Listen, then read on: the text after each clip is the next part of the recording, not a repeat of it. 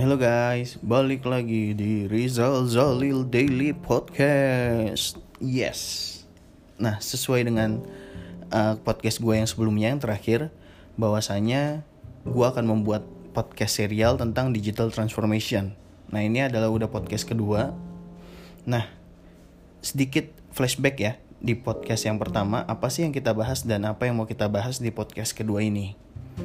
Nah, gue flashback sedikit di podcast yang pertama, kita menceritakan tentang dua research, yaitu research Accenture dan researchnya McKinsey.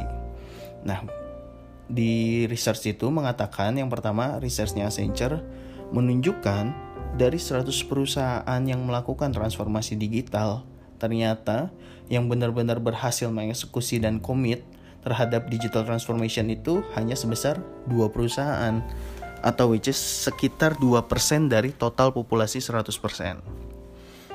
Nah, di sisi lain, penelitian McKinsey menunjukkan untuk berhasil melakukan digital transformation, lo harus punya 5 kunci penting. Yaitu yang pertama adalah leadership. Karena kita tahu ya, believe, envision, commitment, hingga execute digital transformation itu come up dari top leadersnya. Yang kedua adalah capacity building, untuk meningkatkan pengetahuan, keterampilan, pre-planningnya, stagingnya, roadmap dari digital transformation, do and don'ts-nya, serta benefitnya itu harus dibuat sehingga nantinya capacity building ini bisa mempertahankan digital transformation dalam perusahaan tersebut.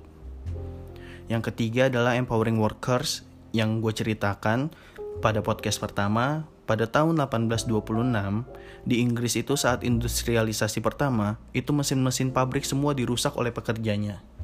Sama halnya di Indonesia kalau kita ingat ceritanya ada BUMN yang bergerak di bidang gula. Pabrik gula itu pabriknya dirusak oleh pekerjanya karena takut nanti si pekerja ini akan digantikan oleh mesin. Karena kita tahu ya, pabrik gula itu dulu masih menggunakan uh, mesinnya James Watt yang 90% itu di gerakan oleh manusia. Yang keempat adalah upgrading tools. Karena kalau kita nggak upgrade, maka kompetitor kita upgrade sehingga kita nggak ada lagi nanti relevansinya dengan bisnis.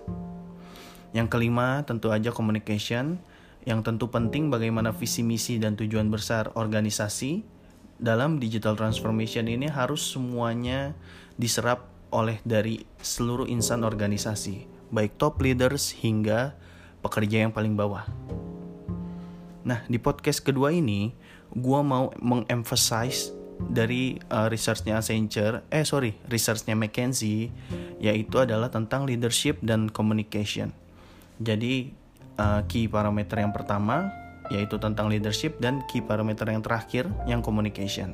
Karena menurut gue ini adalah dua poin penting bagaimana perusahaan bisa melakukan digital transformation. Oke, gue bacain di artikel McKinsey yang lain itu dia bilang gini, having the right digital savvy leaders in place, yaitu adalah mempunyai pemimpin yang cerdas dan mengerti digital. Perubahan itu terjadi saat melakukan transformasi digital tuh hampir di seluruh bagian organisasi itu pasti terjadi perubahan baik itu perubahan talent, baik itu perubahan skill karena mau nggak mau organisasi harus mengadjust dengan perkembangan digital yang sedang di uh, diimplementasi oleh perusahaan tersebut. Nah, di sini pentingnya ketika uh, ada research lain yang menunjukkan 70% dari semua responden mengatakan tim teratas organisasi mereka butuh uh, berubah dalam transformasi membutuhkan pemimpin baru yang akrab dengan teknologi digital untuk bergabung dengan tim manajemen. Nah, ini adalah uh, key takeaway yang pertama, yaitu butuh pemimpin baru yang akrab dengan teknologi. Jadi untuk merubah, mentransform sebuah organisasi menuju digital transformasi, yaitu dibutuhkan pemimpin baru yang akrab dengan teknologi.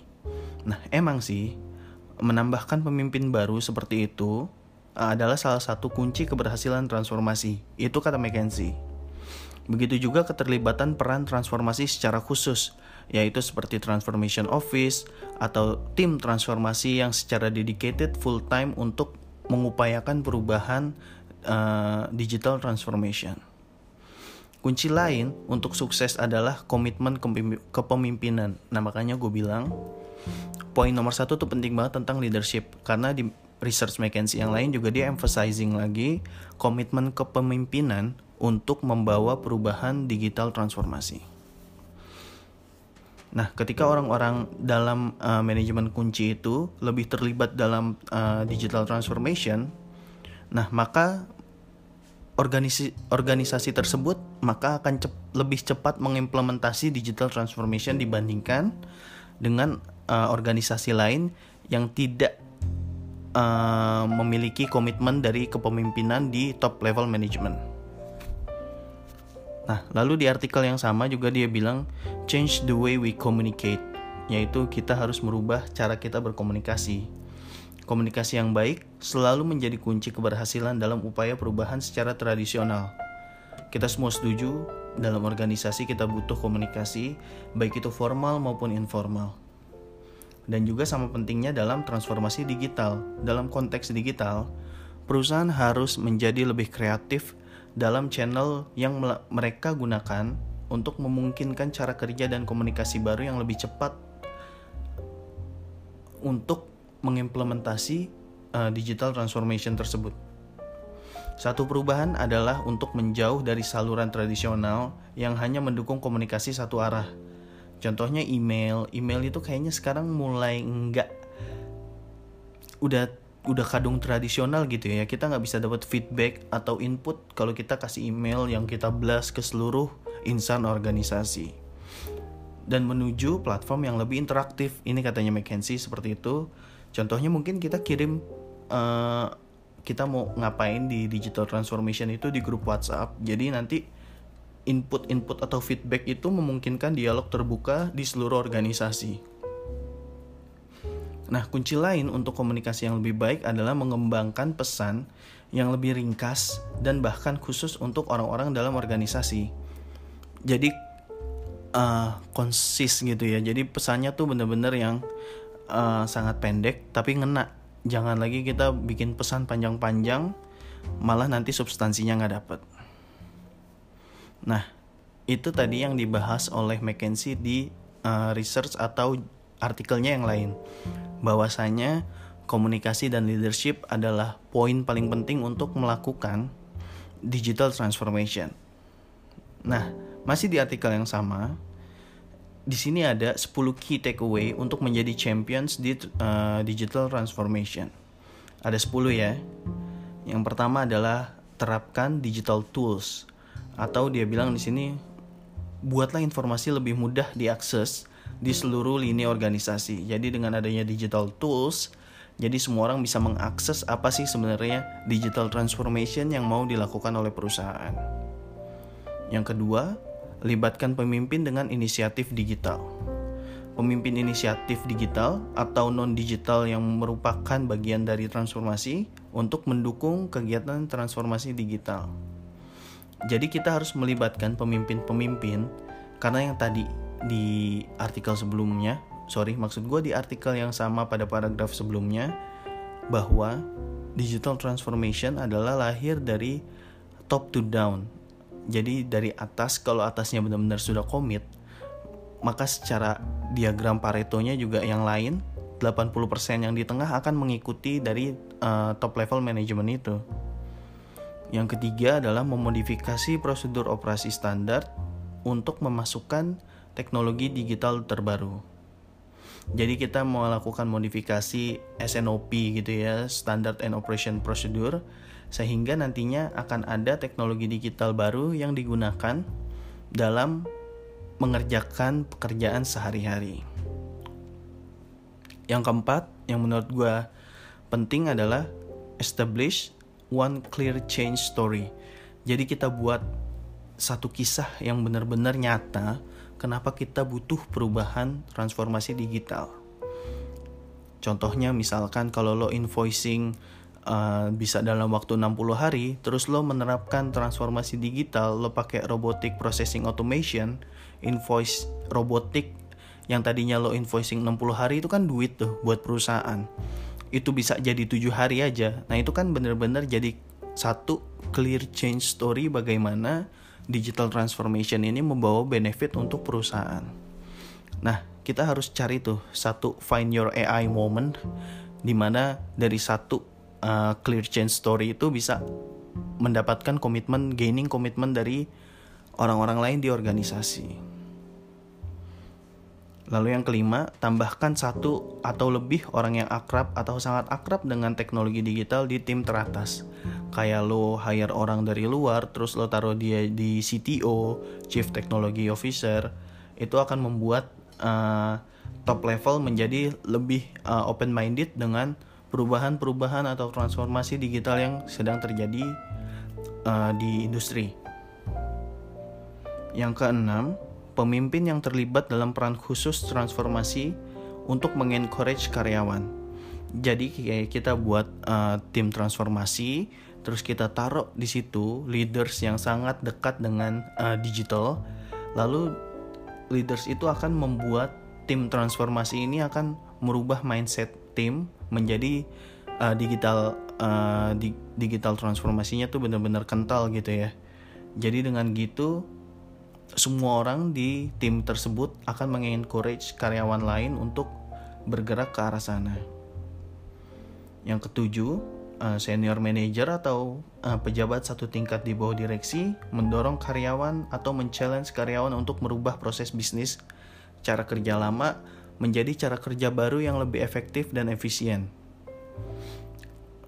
Ini sama kayak di atas, tapi kalau ini lebih men-challenge ya, men-challenge anak buahnya agar merubah proses bisnis yang tradisional menjadi lebih uh, otomisasi. Yang kedelapan, tetapkan kembali peran dan tanggung jawab individu sehingga mereka sejajar dengan tujuan transformasi. Jadi feodalismenya itu dalam suatu organisasi harus dipres benar, harus segera di uh, harus segera kita minimalisasi sehingga nantinya setiap individu itu mereka punya uh, gagasan-gagasan penting tentang digital transformation walaupun itu semua datangnya come up-nya dari atas ke bawah tapi ketika di bawah punya aspirasi itu nantinya akan menjadi diskursus untuk menuju sistem yang lebih baik. Yang kesembilan, berikan karyawan peluang untuk menghasilkan ide tentang di mana digitalisasi dapat mendukung bisnis di perusahaan. Jadi misalkan kalau lo orang pajak jadi lo harus tahu kira-kira di mana sih uh, bottleneck di sistem operasi perpajakan sehingga nantinya bisa memberikan uh, service level yang lebih baik dengan adanya digital transformation di departemen perpajakan. Atau kalau lo di akuntansi lo harus tahu di mana sih kira-kira uh, proses atau teknis yang benar-benar memakan waktu ketika kita melakukan itu secara tradisional terus lo transform menjadi digital terus ternyata itu memberikan service level yang baik itu juga menjadi good point gitu kan Nah yang ke 10 adalah tetapkan satu atau lebih praktik yang terkait dengan cara kerja baru seperti pembelajaran terus-menerus, lingkungan kerja fisik dan virtual yang terbuka, serta mobilitas peran. Dengan ini setiap insan di perusahaan akan lebih agile dan dia akan lebih mengetahui proses bisnis dari seluruh rangkaian organisasi. Jadi dia tidak lagi silo, silo mentality sehingga dari lingkungan yang lebih terbuka ini mereka jadi tahu loophole loophole mana atau mereka bisa memberikan uh, antitesa dari suatu proses rangkaian bisnis di uh, departemen atau direktorat lainnya. Mungkin itu yang 10 key takeaway dari si McKinsey ini. Nah, tapi last but not least, pasti kita semua akan bertanya hal yang sama nih guys. Jadi mana sih yang lebih penting? Transformasi digital atau transformasi model bisnis? Nah, kalau menurut gue ya, kalau kita masih mendebatkan hal tersebut, kalau kita masih terpaku dengan pertanyaan itu, mana dulu nih transformasi digital atau transformasi model bisnis?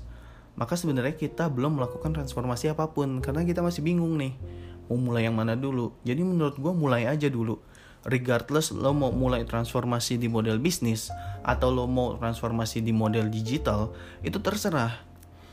Tapi coba aja dijalanin dulu sehingga nanti kita bisa tahu benar-benar transformasi mana yang sebenarnya lebih dibutuhkan atau lebih memiliki tingkatan urgensi yang lebih baik untuk diimplementasi di perusahaan lu atau di perusahaan kita. Atau kita bisa merefer bukunya Good to Great Jim Collins. Bagaimana perusahaan hebat juga harus punya yang namanya hedgehog concept atau konsep landak, yaitu bertransformasi itu satu hal. Gue ulang, bertransformasi itu satu hal, apa pun jenis transformasinya.